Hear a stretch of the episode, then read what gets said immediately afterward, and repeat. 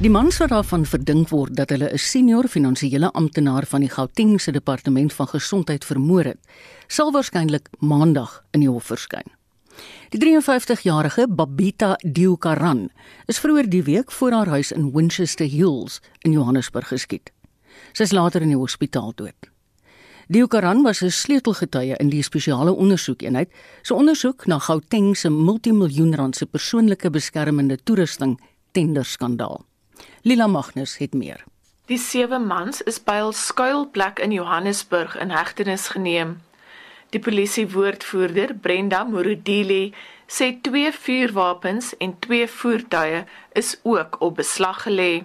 A case docket has been transferred to the Directorate for Priority Crime Investigation for further investigation. There is a possibility of more charges being added to the charge of murder Daar word wyd geglo huurmoordenaars het Babetta Deokaran vermoor omdat sy die tender bedrog onthul het.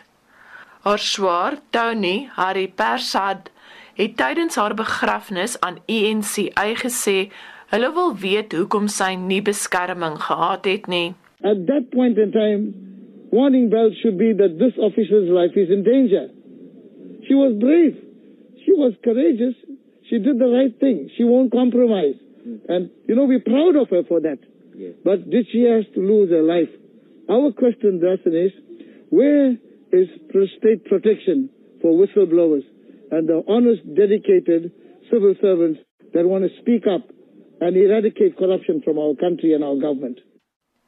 Die premier van Gauteng, David Makura, het die Koran as braaf beskryf en gesê daar is beslis 'n skakel tussen haar moord en die tenderskandaal. Die Ahmed Katrada Stichting het 'n nagwaak vir Deokran gehou.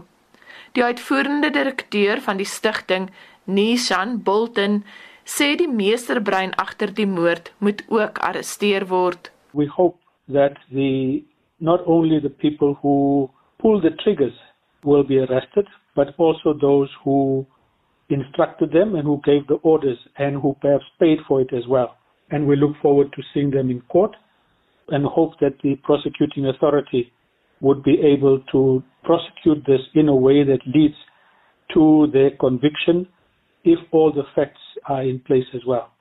Die spesiale ondersoekeenheid se woordvoerder, Kaiser Khanyagu, meen die arrestasies sal help om uit te vind hoekom Deokaran vermoor is. We believe that now we'll be in a position as the SIU to know what the reasons are for her killing and we will also continue as we have always done with, to work with the police and make sure that whatever they need from us is given to them as we have done since the death of Babita.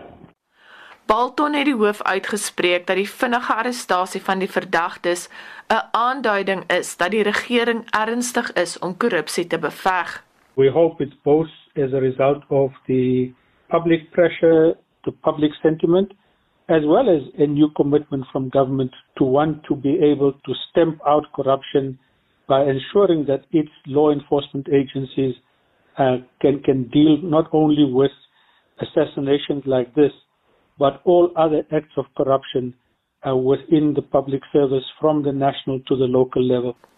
Die sewe man sal na verwagting maandag in die Boysens Landdroshof op 'n aanklag van moord verskyn.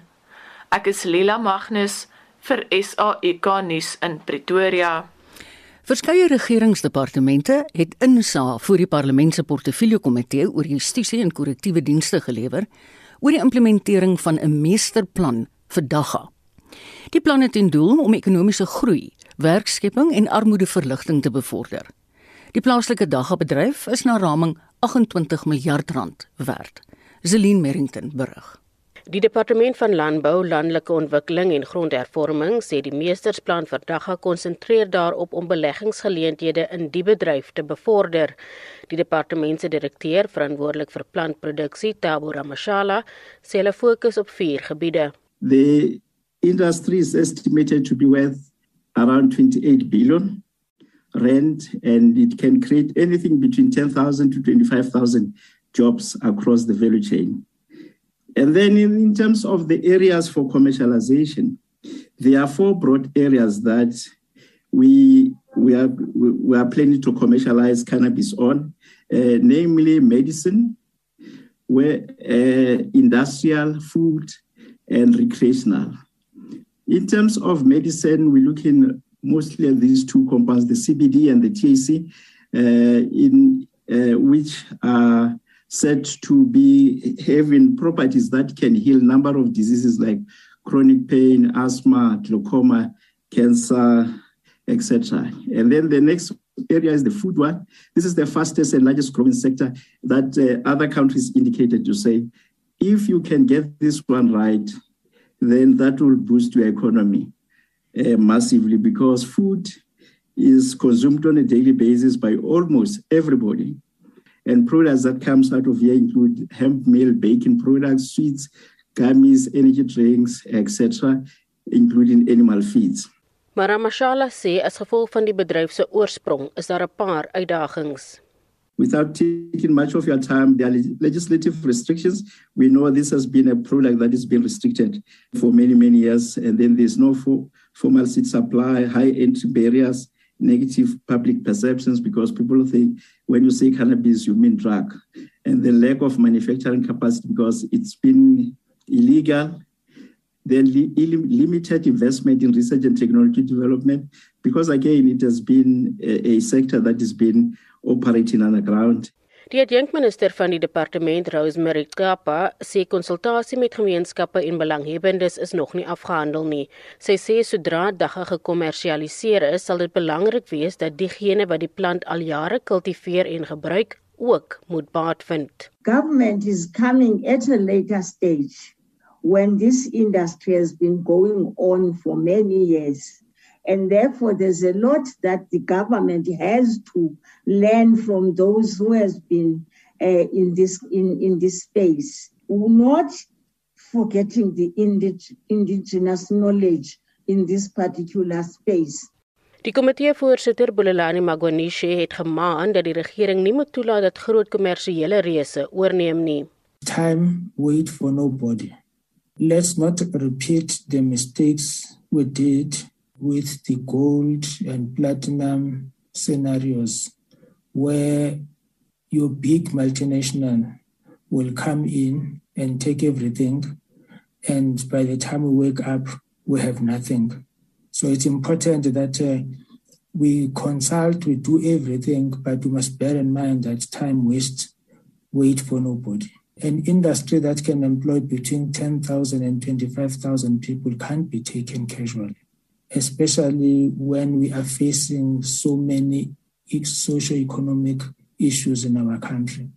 This is a golden opportunity that we must grab and ensure that we move with speed to ensure that we revive our economy and we deal with health issues using what God has given us. Dit was die voorsitter van die Justisie en Korrektiewe Dienste Komitee, Bulelani Magwanishe, Zelin Merrington, Parlement. Energieontleeders verwag dat die diesel- en petrolprys in September sal daal.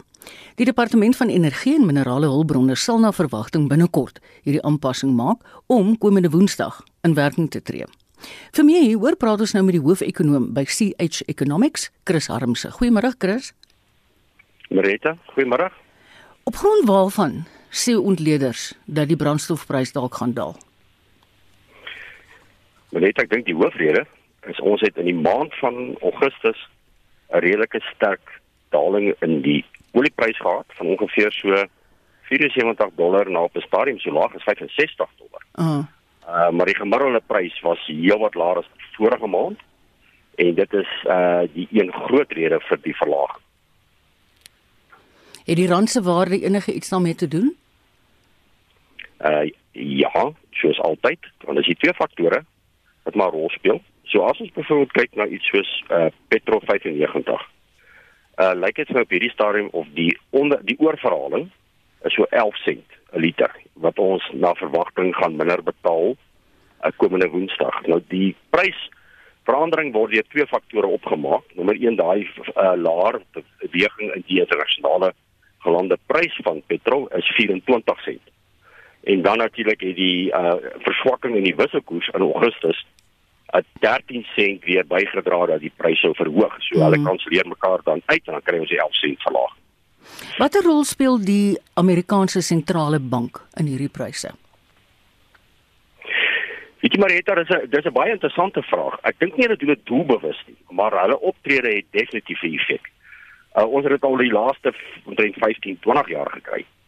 Ons het verlede verlede week gekry gekry dat hulle uh, hier wat verlede Woensdag het hulle uh, hulle in die tiele van hulle vorige vergadering uh, uitgekom waar hulle gesê het dat uh, dit is nou baie sterk moontlikheid dat hulle Amerika se ekonomie moet uh, begin uh, uh, um, inkrimp. Hulle gaan moet minder geld uh, aan die ekonomie beskikbaar stel en moontlik later ook rentekoerse verhoog. Onmiddellik is die reaksie Ja. dat dit gaan die wêreldekonomie laat inkrimp en die uh, uh, uh, vraag na olie het gedaal en ons het ook gesien uh dat die oliepryse het van ongeveer 70 dollar na 65 dollar gedaal. Mm. Uh mens moet ook byvoeg dat die uh die variant uh, veral in die uh, Asiatiese lande en Europa ook 'n groot bydrae gehad het van 'n verwagte verlaging in die vraag na weet na na Ja, olie. ja. Mm. Ons het dit ook natuurlik gekry in 2006. Toe Amerika hulle rentekoerse uh, met uh, 23 keer verlaag het, het die olieprys gedaal van 102 dollar na 21 dollar toe. Ja. Uh en toe Amerika weer sy rentekoerse te verhoog, toe draai daai toe draai daai olieprys op en hy gaan om, hy gaan so vinnig op dat dit die uh subprime k- krisis veroorsaak het. Hmm. So daar is 'n verband, maar ek dink nie want daar is mense wat sê dat die ehm uh, sentrale bank probeer uh, oliepryse manipuleer. Ek dink nie dit dink daar nie. Al wat wel gebeur is die effek daarvan. Ja. Hoeveel sent dink jy vir petrol verskillende grade en vir diesel? Petrol uh, 95 so 11 sent minder. Petrol 93 soos uh 15 sent minder en vir diesel so 24 sent minder wat natuurlik vir my verblywend is. Uh, jy weet veral vir die boere. Ja. Maar maar jy het ons moet ook sê selfs dit gaan ons natuurlik nog ongeveer 20 sent meer laat betaal as 'n jaar gelede. Ja. So jaar op jaar, dit wat natuurlik in die inflasiemandjie bepaal word, Mm. het ons 'n sterk stygings gehad. Natuurlik, onthou verlede jaar was die olieprys baie laag en die 20 dollar uh ten spyte van 'n swakker rand en die mense het dit nie vir nie gekoop nie. Maar die effek op my en jou sak is is so 20 sent 20% hoër as 'n jaar gelede. Ja, want jy weet Chris, ek dink nou aan verlede jaar op 'n kol. Ek meen ons het eintlik nêrens heen gery nie. Ek meen jy was net eenvoudig by jou huis. Alles was toe. Presies. So weet uh, so die die die laerprys baie mense kon nog nie daai laerprys uh, jy weet benut soos hulle wil nie want die mense kon nie op vakansie gaan nie, hulle kon nie Ja, gaan nee. toer dit nie en hulle jy weet so die toerismebedryf kon nie daai voordeel deurgee nie. Chris, Ah, baie dankie. Ons hoop jy's reg oor hierdie daling volgende Woensdag. Dit was Chris Harmse, die hoofekonoom by CH Economics. Die Afrikaanse idioom soveel van iets weet soos 'n kat van saffraan is nie van toepassing op Benny Engelbregt nie. Hy het vanjaar begin om 'n saffraanbedryf in Suid-Afrika te vestig. Engelbregt sê hy wou altyd geboer het en was besig om te eksperimenteer. Maar waar kom die idee van die vreemde spesery saffraan in Suid-Afrika te verbou vandaan? Dit het jare terug begin. Ek het daar Aardap in die suide van Namibië groot geword op 'n besproeiingsskema. Maar as die grond eers onder jou vel is, kry jy dit nie uit nie. So ek het maar al was ek vir jare in Johannesburg gewees, altyd gehinker daarna om 'n boerdery te begin. En dit het nou maar jare se skopwerk gevat en deur die nag sit en oplees wat het niemand nog gedoen nie en dit is ek by Safran uitgekom het. Nou waar aard dit? Tradisioneel as jy die internet oopmaak, eerste ding wat opspring is dat dit het 'n uh, mediterrane klimaat nodig. En ek het toe nou begin kyk gesien maar mense plan dit in Nieu-Seeland en mense plan dit in Australië en in Tasmanië en daar's nêrens enige mediterrane klimaat nie. En toe nou maar begin sien maar dit groei nie net in 'n mediterrane klimaat nie. Dit kan enige plek groei. En ek het toe nou bolle ingevoer. My eerste bolle se sommer daar in my tuin in Johannesburg geplant. En gesien dit werk en ons het hierdie jaar omtrent so 130 verskillende mense gekry wat starterpacks geplant het. En sover wys alles vir ons dat dit baie goed doen. Daar's 'n paar plekke in KwaZulu-Natal en so waar dit bietjie sukkel. Maar oor die algemeen het ons 'n baie goeie vertoning gekry hierdie jaar as mense dit so kan noem. Hoekom sukkel dit in KZN? Die feit dat dit sukkel, 'n bietjie dink ek het te doen met die hoë humiditeit, maar dit kan by een ou sukkel en by 'n ander ou doen dit goed. So dis baie onbekende gewas nog in Suid-Afrika, so daar's nog baie werk wat gedoen moet word om te verseker en te sê ja, dit groei hierso en dit groei nie daar nie. Hierdie is maar die eerste seisoen. So ek sê altyd klein trekkies en ons almal tree in dieselfde rigting. Benny, wat plant jy en wanneer plant jy dit en hoe wanneer oes jy? Safran is 'n knol wat jy onder die grond plant.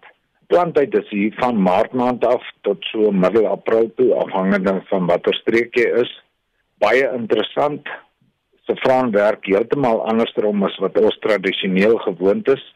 Ons is tradisioneel in Suid-Afrika gewoond jy plant 'n gewas en dan wag jy 'n hele seisoen om noem dit nou maar 'n aanhalingstekens jou vrug aan die einde van die seisoen te kry.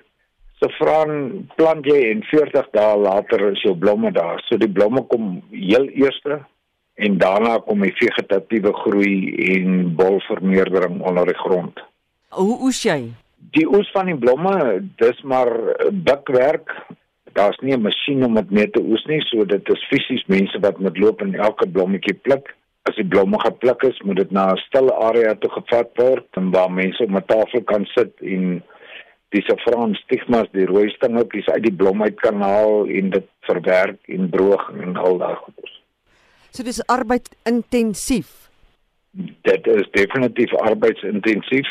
Ons beveel aan dat mense begin met 'n starterpak om eers seker te maak dit werk in jou area voordat jy begin 'n hektare plant.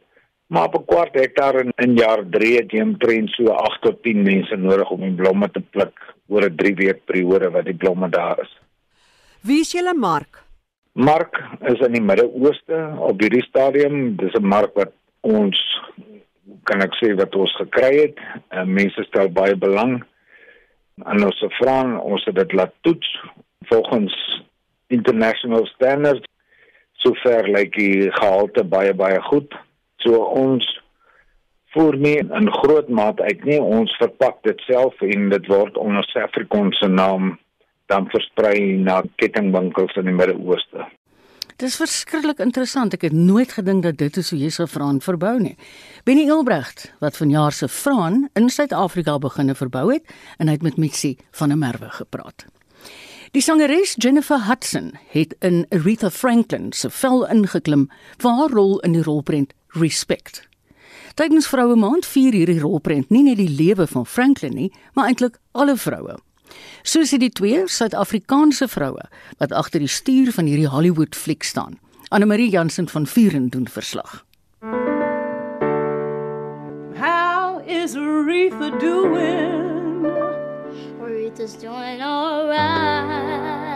Just alright. Singing is sacred, and you shouldn't do it just because somebody wants you to. What's most important is that you are treated with dignity and respect.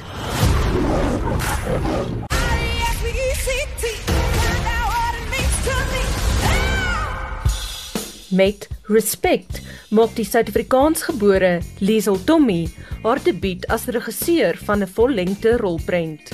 Tommy is al wêreldwyd bekroon vir die werk wat sy op die planke gebring het, van Broadway tot die West End. Normal people would probably do a small independent film as their first film, but you know, I was just not right in the head and made a big commercial music movie first. And the big concert sequences, like Madison Square Garden, where she sang Respect, where there's thousands and thousands of people in the audience, and a massive set piece. That was the most intimidating because you just had so many technical pieces, so many bodies, and of course, singing respect. If you got that wrong in the movie, then boy, you better just retire immediately. So that was probably the most intimidating one. Tommy se musiekblyspele is eintlik in haar bloed. Haar ma het haar selfs vernoem na die karakter Liesel uit The Sound of Music.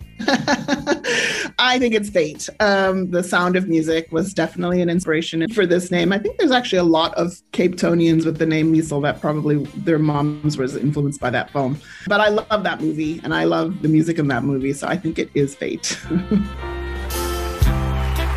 Looking out, how the morning rain.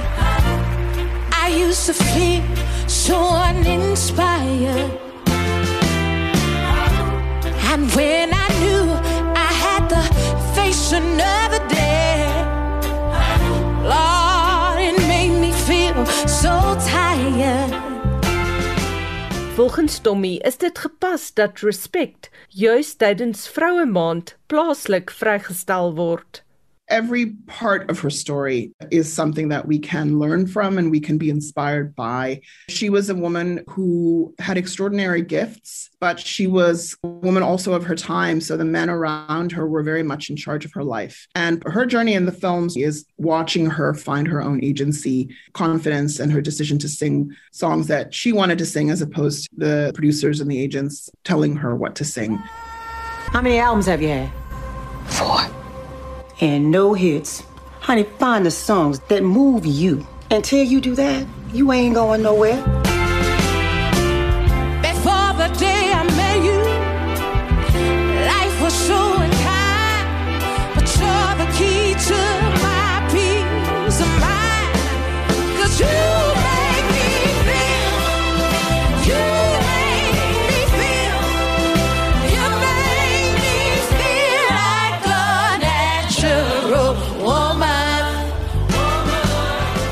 Anytime you see someone as powerful as Aretha Franklin question herself and make mistakes, but then trust herself to make her own decisions, we can connect to that because it just shows us that no matter who you are, that's part of the journey.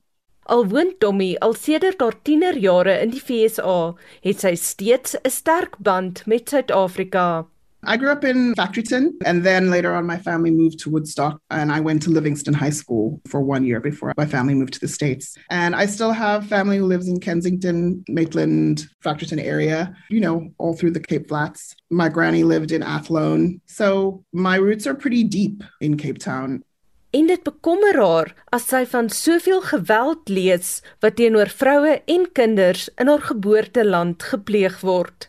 Sy sê sy het wel van Franklin geleer oor wat dit beteken om 'n sterk vrou in moeilike omstandighede te wees.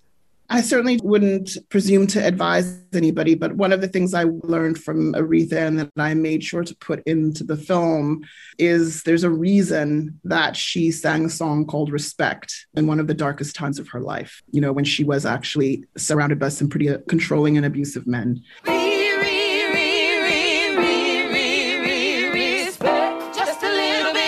She had to sing it and she had to spell it out inside of that song.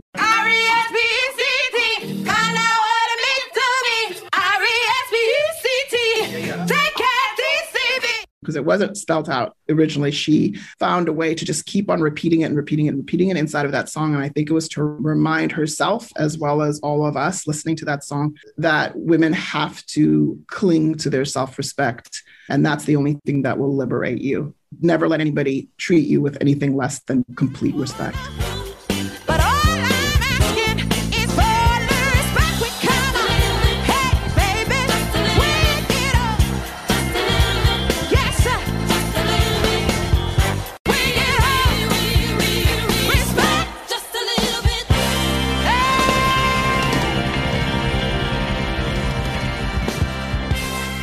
Tommy was nie die enigste Suid-Afrikaner aan boord nie. Die redigeerder, Avril Bekes, het in die 80er jare die redigering van onder meer Katinka Heinz se Villa se kind behartig.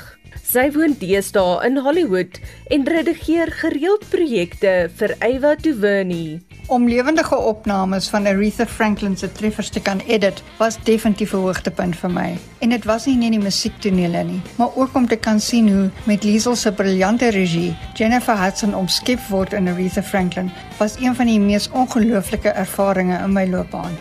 Volgens Tommy speel haar Suid-Afrikaanse identiteit 'n rol in alles wat sy doen. My South African identity is precisely why I make the decisions I make. I choose the kinds of projects that I choose. Even if it's widespread commercial appeal and completely entertaining, there's always a political point of view at the center of it. I think it's really difficult to have grown up in South Africa during apartheid, during the struggle, and not have a value system imprinted on you, especially when you're a sensitive artist as a kid.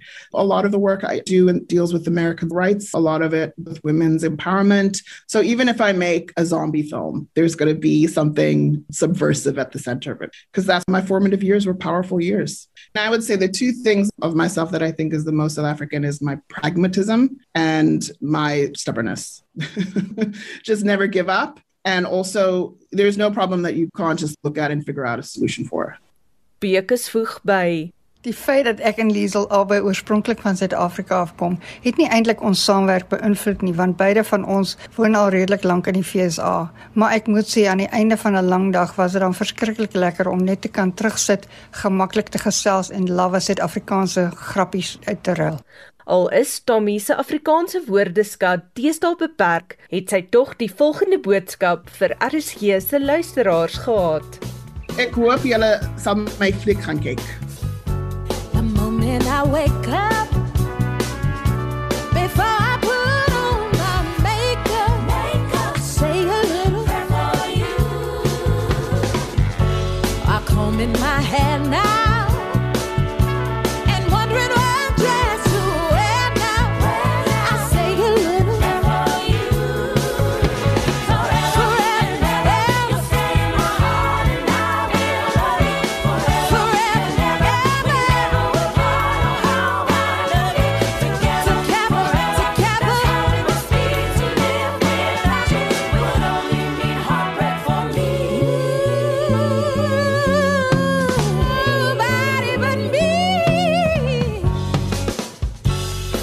van Jennifer Hudson wat die rol van die ikoon Aretha Franklin vertolk.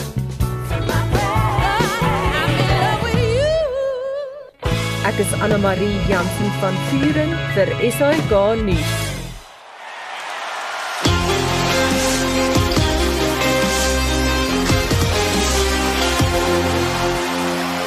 Sit nog eers verstom hierso oor Avril Beker se goeie Afrikaans na 30 jaar. Ek meen, mense raak so trots as Suid-Afrikaners so goed doen oor see.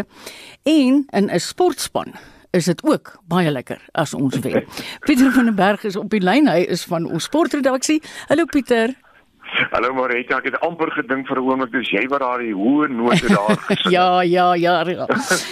Die Springbokke gaan nou eers op die 12de September weer toetsrugby speel, maar ek is reg as ek sê daar's vreeslik baie Curriebeeker wedstryde aan die gang.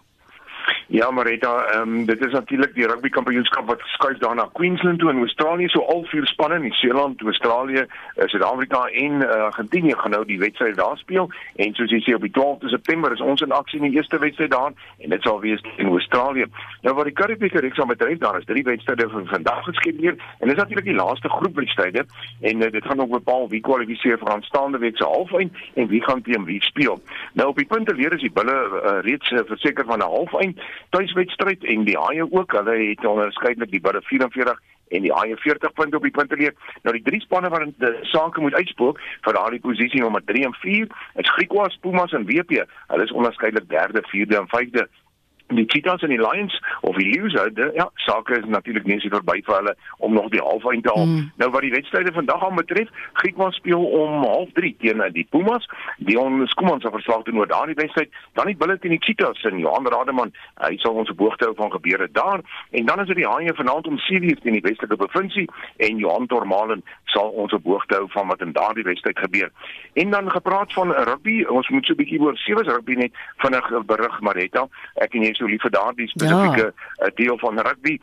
Nou die Blitsbok is 'n Chris Draai het aangekondig dat hy die spel vaarwel toeroep en uh, hy tree uit. Hy's 33 jaar oud. Nou, hy het onlangs 'n heupoperasie gehad. Dit lyk vir my die dinge wil nie heeltemal mooi regkom nie, maar ja. sedert sy debuut in 2010 het hy 74 wêreldbeker toernooie of wêreldtoernooie gespeel uh, vir Suid-Afrika. Hy het 373 wedstryde uitgedraf en hy het 98 drie gedruk en hy het natuurlik ook 'n draai gemaak by die wêreldbeker vir sewes, die Statebond spele asook die Olimpiese spele. So 'n merkwaardige loopbaan vir hom en ja, hy het ons uh, beslis baie vreugde verskaf oor die laaste klomp jare. Ja, ek was gister nogal geskok. Ek het dit in een van my nuusbulletins gehad en toe voel ek self jammer dat hy gaan maar goed as jy sê dis moontlik 'n mediese rede, dan verstaan nou ou.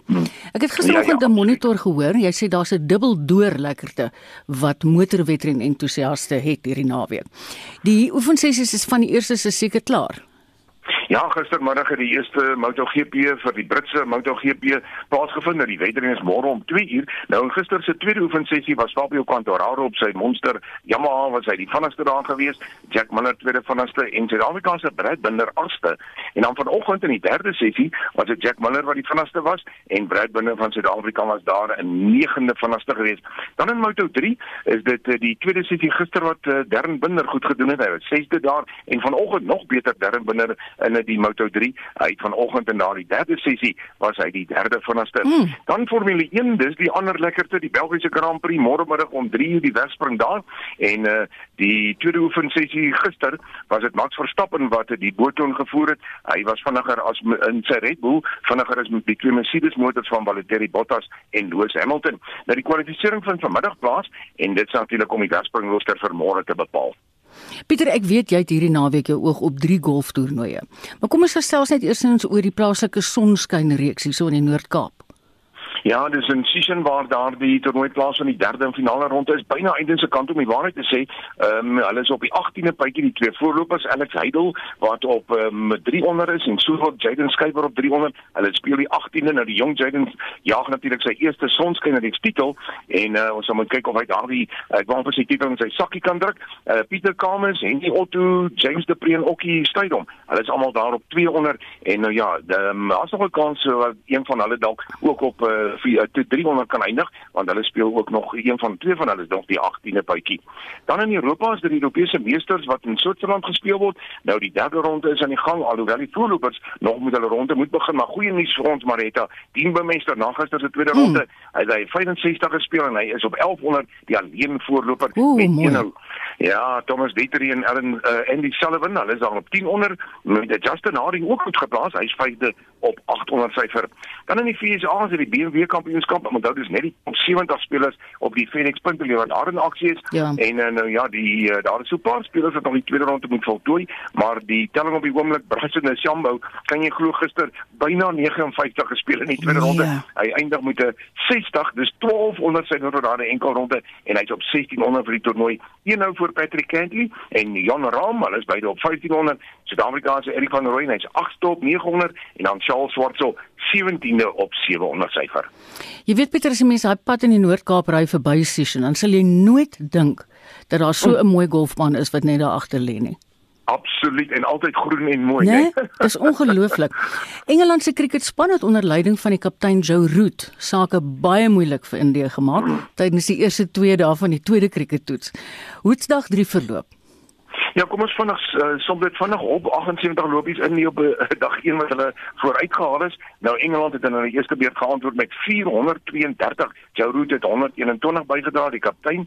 En uh, nou ja, op dag 3 is dit Indië wat goed teruggeveg het gister. Hulle het die dag afgesluit op 215 vir 2, wat beteken hulle is net 139 lopies agter met 8 balkies staande, maar stel dit om 12 uur begin. Ek sien die derde balkie het reeds geval daar en uh, dit is uh, Bujara wat daar terug is met sy telling op 91. So uh, hulle staan op die oomblik, dis nou ehm um, die uh, uh, span van Indië staan hulle op 217 vir 3 en dit beteken is 137 lopies agter met 7 paaltjies staande. Dan wat die Protea se eendagspan betref, hulle is daar in Sri Lanka nou en dit is natuurlik drie eendagwedstryde wat voor lê teen Sri Lanka en later is daar ook die 20 kragmetings.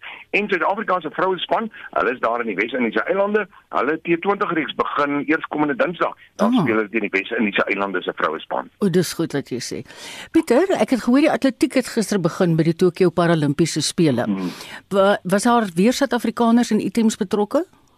Ja, daar was, ek moet vir jou sê, ons sukkel nog om ons eerste medalje te kry. Kom ons loer na uh, vanoggend se twee swemmers, uh, Kat Sonnepoel en Hendrik van der Merwe. Hulle kon nie deurdring aan die finale toe nie. In atletiek is dit die silwer medalje wenner daar in Londen 2012 wat in die 100 meter vir T38 nie weer kon deurdring nie. Dis uh, Dian Buys, hy kon net 'n vyfde plek vanoggend behaal.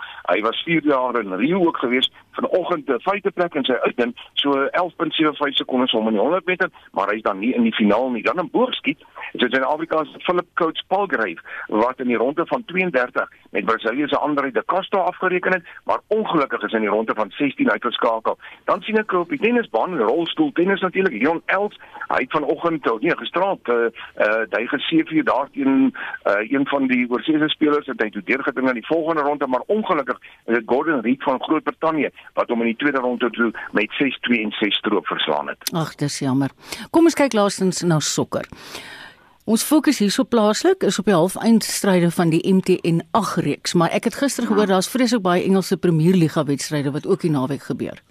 Ja, groot skuwe en groot name en ek sien daar's weer uh, Groot geld. man, groot name wat groot geld gaan verdien maar in elk geval hier plaaslik. Die twee halfeindstryde waarna jy verwys is die MTN 8 reeks vanmiddag om 3 uur Sundowns teen uh Golden Arrows en uh een môre sal ons uh, op hoogte hou wat daar gaan gebeur en dan is dit kyk dan City môre om 3 uur teen Swallows en dit is natuurlik vir 'n plek ook in daardie eindstryd wat so oor twee weke beslis word. Dan in die Engelse Premier Liga om 0.30 is dit Man City teen Arsenal. Dis 'n lekker wedstryd dan om 4 uur is daar nie minder nie as vyf wedstryde. Dit sluit onder meer uh, Aston Villa teen Brentford in, Brighton teen Everton, West Ham teen Crystal Palace en vanaand om 0.7 Liverpool teen Chelsea. 'n Lekker een om na uit te sien. Ja. Maar dit is doodseker Fritz Klaaster sal vanmiddag van 3 tot 6 in RSG Sport meer vir ons te uh, hê Ja. oor sport en meer inligting kan gee en ek sal maandagooggend in Monitor sal ek weer terug wees met al die verslae. Goed, baie dankie Pieter. Dit was Pieter van der Berg, ons sportmedewerker.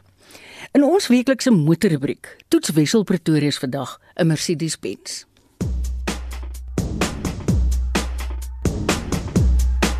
Mercedes-Benz verkoop nie minder nie as 9 kruisvoertuig en sportnuts modelreekse in Suid-Afrika. Om sake verder te kompliseer, word twee van die 9 coupés genoem. Die GLC coupé en die GLE coupé. Die term coupé staan lankal nie meer eksklusief vir 'n sportiewe tweedeur nie. Die twee Mercedes coupés is 5-deur kruisvoertuie met coupé-agtige of dan skuins agteruite. Maar daar is darm 'n mate van logika, behalwe vir die G-klas begin al Mercedes se sportnutse met die benaming GL met die laaste letter, die luikerig of sedan waarop hulle geskoei is. So byvoorbeeld dui die GLC op die C-klas sedan. Laasgenoemde die enigste voertuig wat Mercedes in Oos-London vervaardig en uitvoer. Die res word ingevoer. Ek het die GLS 580 4MATIC gery. Volgens Mercedes die S-klas van sportnutse. Dis 'n massiewe weelde wa. Kyk, volgrootte sportnutse wat 'n mens baie op ons paaie sien, soos die Land Cruiser 200 en sy opvolger die 300 wat pas verskyn het en die grootste Range Rover meet 5 meter. Die GLS is meer as 20 cm langer. In Range Rover se geval moet jy na die duurder langwielbasismodelle genaamd L kyk om grootte gewys met die Mercedes te kan kers vashou. Die derde generasie GLS lyk netjies met die AMG-lyn afwerking sal ek self sê indrukwekkend vanuit elke hoek. Teen 'n lengte van 5,2 meter en 'n wielbasis 6 cm langer as sy voorganger, bied die GLS 580 hoë spasie. 7 Napa leersitplekke, almal verstel elektries. En die derde ry kan met die druk van 'n knop in die vloer invou. En dan is daar allerlei ander triks soos die hak heel agter. Bring die bestuurder met die druk van 'n knop onder die kar uit om uh, gereed te wees om iets te sleep. Die voorste sitplekke kan nie net verkoel en verhit nie, maar masseer ook. Jou sitvlak, laarig, hoërig, die opsies is legio. En ook die tweede ry sitplekke verhit. Net die beste materiale word ingespan. Die AMG line afwerking, 'n R62000 opsie, gee so 'n tikkie sportiwiteit aan die luukse kajuit wat elke denkbare tierlantuintjie bied.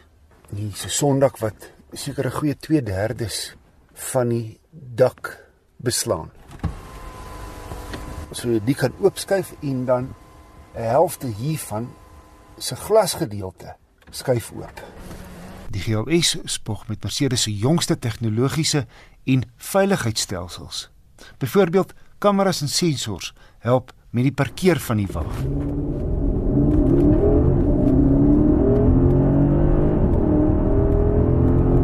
Die Mercedes GLS 580 se 4 liter V8 met 2 turbo aanjaars lewer 376 kW en 700 Nm. En Mercedes sê 0 na 100 word in 'n blitsige 5,3 sekondes afgelê. Kraglewering is moeiteloos en glad via die 9-spoed outomaties en die hantering glad nie sleg vir so groot voertuig nie. Ek het 12,4 liter per 100 km op my gekombineerde stad en oop padroete gemeet. 'n Syfer wat vinnig sal styg soos die regtervoet gereeld diep getrap word. Ligvere sorg vir baie gerieflike rit en dit lig die bakwerk wanneer in die Gramadulas gery word. Hy het permanente vierwielaandrywing en 'n laastrek ratkas. My gevolgtrekking, die Mercedes-Benz GLS 580 4MATIC AMG lyn, is in alle opsigte 'n lieflike sportnuts. Hoop spasie, lyks, aantreklik en boonop hastig. Hierdie pragt en praal met die begeerlike 3-puntster kom natuurlik teen 'n prys. In die toetskar se geval 2,1 miljoen rand. 'n Meer sober koopie as die dekadente V8 Turbo sou die GLS 400D wees met 'n fris 3 liter turbo diesel. Net 'n sekonde stadiger na 100, heelwat ligter op die sous en 'n volle 190 000 rand goedkoper as die GLS 580.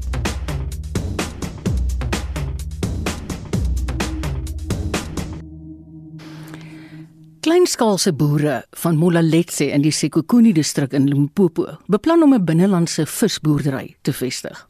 'n Span kundiges van die Departement van Bosbou, Visserye en Omgewingsake doen 'n haalbaarheidstudie om te bepaal of die projek kommersieel lewensvatbaar is. Ja, ek moet sê, visse in Limpopo. Vincent Mofokeng berig. Plaaslike boere wil die gebied om die rivier in Mahlaletsi gebruik vir 'n visboerderyprojek. Die Takaru Tsanaga Landbouvereniging glo dat die projek suksesvol sal wees. Die projek is soortgelyk aan 'n binnelandse visboerderystelsel wat vroeër in die Vrystaat gevestig is. 'n Kleinskaalse boer in Sekhukhune, Magoneng Phala, sê hy is vol vertroue dat die projek kommersieel volhoubaar sal wees en werksgeleenthede sal skep.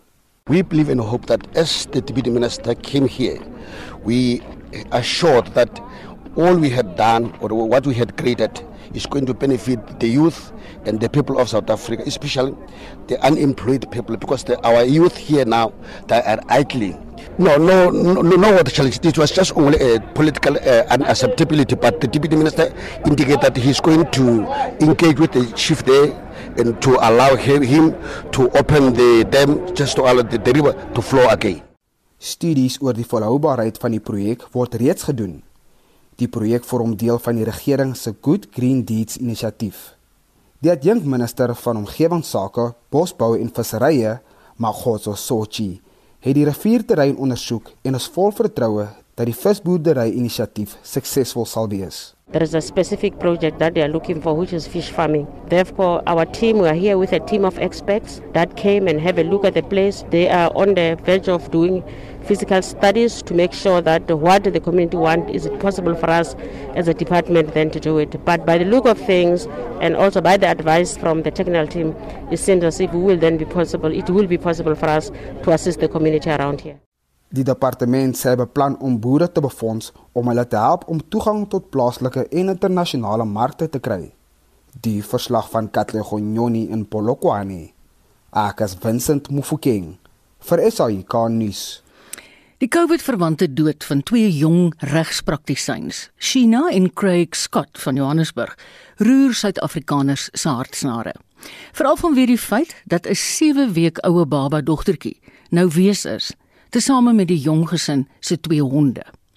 Sheena se ma, Claudette, wou nie verder oor die dood van haar dogter en skoonseun praat nie, maar die mense betrokke by die hervestiging van die twee weeshonde, Stella en Chance, was bereid om die een positiewe aspek van die storie vir naweek aktueel te belig. Anita Visser doen verslag. Op al wat sosiale media blad is, preek Sheena Craig en hulle twee honde Stella en Chance met 'n bordjie voor hulle met die aankondiging We're getting a human July 2021.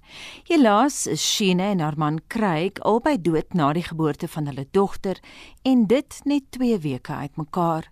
Die baba is by haar familie, maar die honde moes 'n nuwe huis kry. Die 5-jarige teef Stella is 4 jaar gelede aangeneem van die diereskuiling Husky Rescue in Johannesburg en die 8-jarige Chance kom ook van 'n diereskuiling, die New Hope Animal Shelter in die Goudstad. Chance is ook 'n epilepsieleier en is op spesiale medikasie. Joanne van Niekerk is die stigter van Husky Rescue South Africa en bestuur die skuilings se tak by Formal naby Fourways in Johannesburg. Sy het met Craig se skoonsister Alicia onderhandel oor 'n nuwe toekoms vir die twee weeshonde. We would have gotten involved even if Stella wasn't ours, but she had been ours, and when somebody adopts, they sign a contract that states the dogs come back to us or we will help rehome them. When Craig and Sheena, who quite honestly were some of the best pet owners we've ever come across, they absolutely adored their dogs and their dogs wanted for nothing. And when we heard what had happened, when they originally got COVID, the dogs went into kenneling because obviously they were sick and could not look after them, so they went into private kenneling. Then, as soon as we heard, we obviously started. I was dealing with Alicia in the family and told her we would be responsible for rehoming the dogs, which they were very happy with. A New Hope was also happy for us to do the home checks for them. On the first day, we got 68 telephone calls and I got 42 WhatsApps. Joanne van Niekerk is steeds verstom oor die oorweldigende reaksie van die publiek wat so graag 'n nuwe tuiste vir die weeshonde wou skep. It has been phenomenal. The public response has been awesome. Obviously, when you put dogs up for adoption, you always get your chances, which you do in every field of life. But um, on the whole, the response was excellent. Obviously, some homes we could not think about because huskies don't really like small dogs or cats. We had to divide the homes as to what we thought was going to be the best for the dogs, and we chose the three.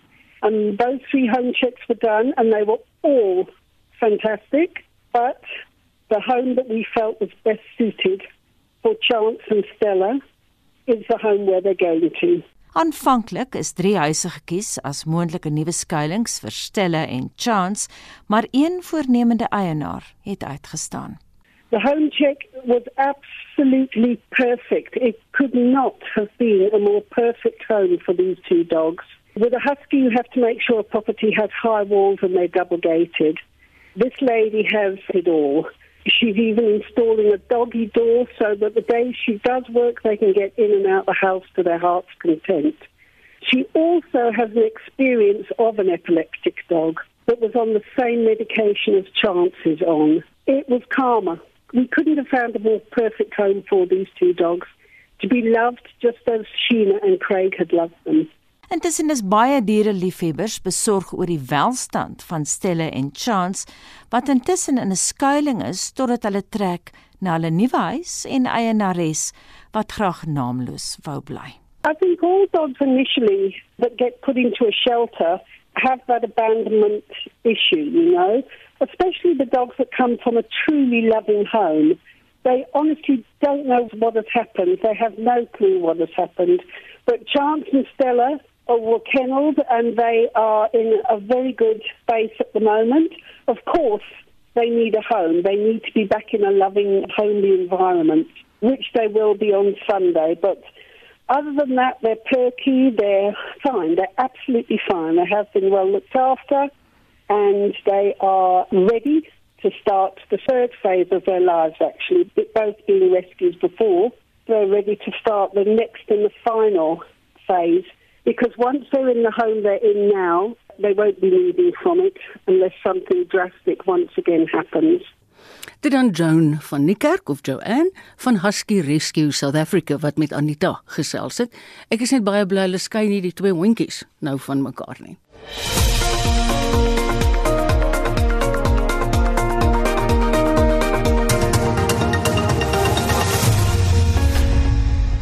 Is ingeskakel op RC en hier is die program Naweek Aktueel. Die Gautengse Onderwysdepartement sê die eerste fase van die aansoekproses vir voornemende graad 8 leerdlinge in 2022 sluit volgende Vrydag. Meer as 241 000 volledige aansoeke is reeds ontvang. Weer winsend. Volgens die departement se woordvoerder, Steve Mabona, is fase 1 spesifiek gerig op leerders wat tans in graad 7 is by openbare skole.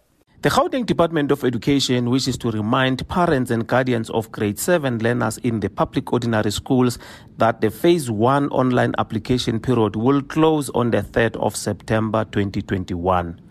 You will recall that the department started with this two-phased approach for the 2022 online admissions application period by opening phase 1 on the 10th of August 2021.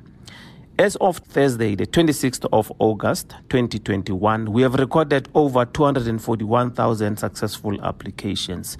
We are indeed grateful to parents and guardians who have managed to successfully apply and wish to encourage those who did not apply to do so before the closing date. Die departement sê ouers en voogte wat reeds aansoek gedoen het, het slegs 7 dae om die vereiste dokumente aanlyn op te laai of by die skool waar hulle aansoek gedoen het in te dien. Those who seek assistance may continue to visit our district or walk-in centers and uh, probably call our call center on 0800 000 789. We urge parents and guardians who have already applied to continue uploading their documents on the system or submit them to the schools that they've applied to. Remember, you have seven days to do so after your application. Die tweede fase van aansoeke sal op 13 September begin en fokus op voornemende graad 1 leerdlinge. Phase 2 application period will open on the 13th of September 2021 and this will be targeting grade 1s and uh, the grade 8 for those that will be coming from independent or private schools or even other provinces. Phase 2 will end on the 8th of October 2021. Dit was Steve Mabona, die woordvoerder van die Gautengse Departement van Onderwys. Ek is Vincent Mufokeng vir SAK nuus. En dit is die einde van die laaste naweek aktueel in Augustus maand. Onthou gerus as jy laat ingeskakel het of daar's iets wat jy weer wil hoor, al die uitsendings is op potgooi beskikbaar. Gaan net na rsg.co.za. Ek groet namens die uitvoerende regisseur Nicoline de Wee, die redakteur vandag Jean Estreisen en die produksieregisseur Daitrin Godfrey. Gustaf sit gereed met die 1 uur nuus. Ek hoop jy kry warm waar jy is en dat jy die naweek in die geselskap van RSG gaan ont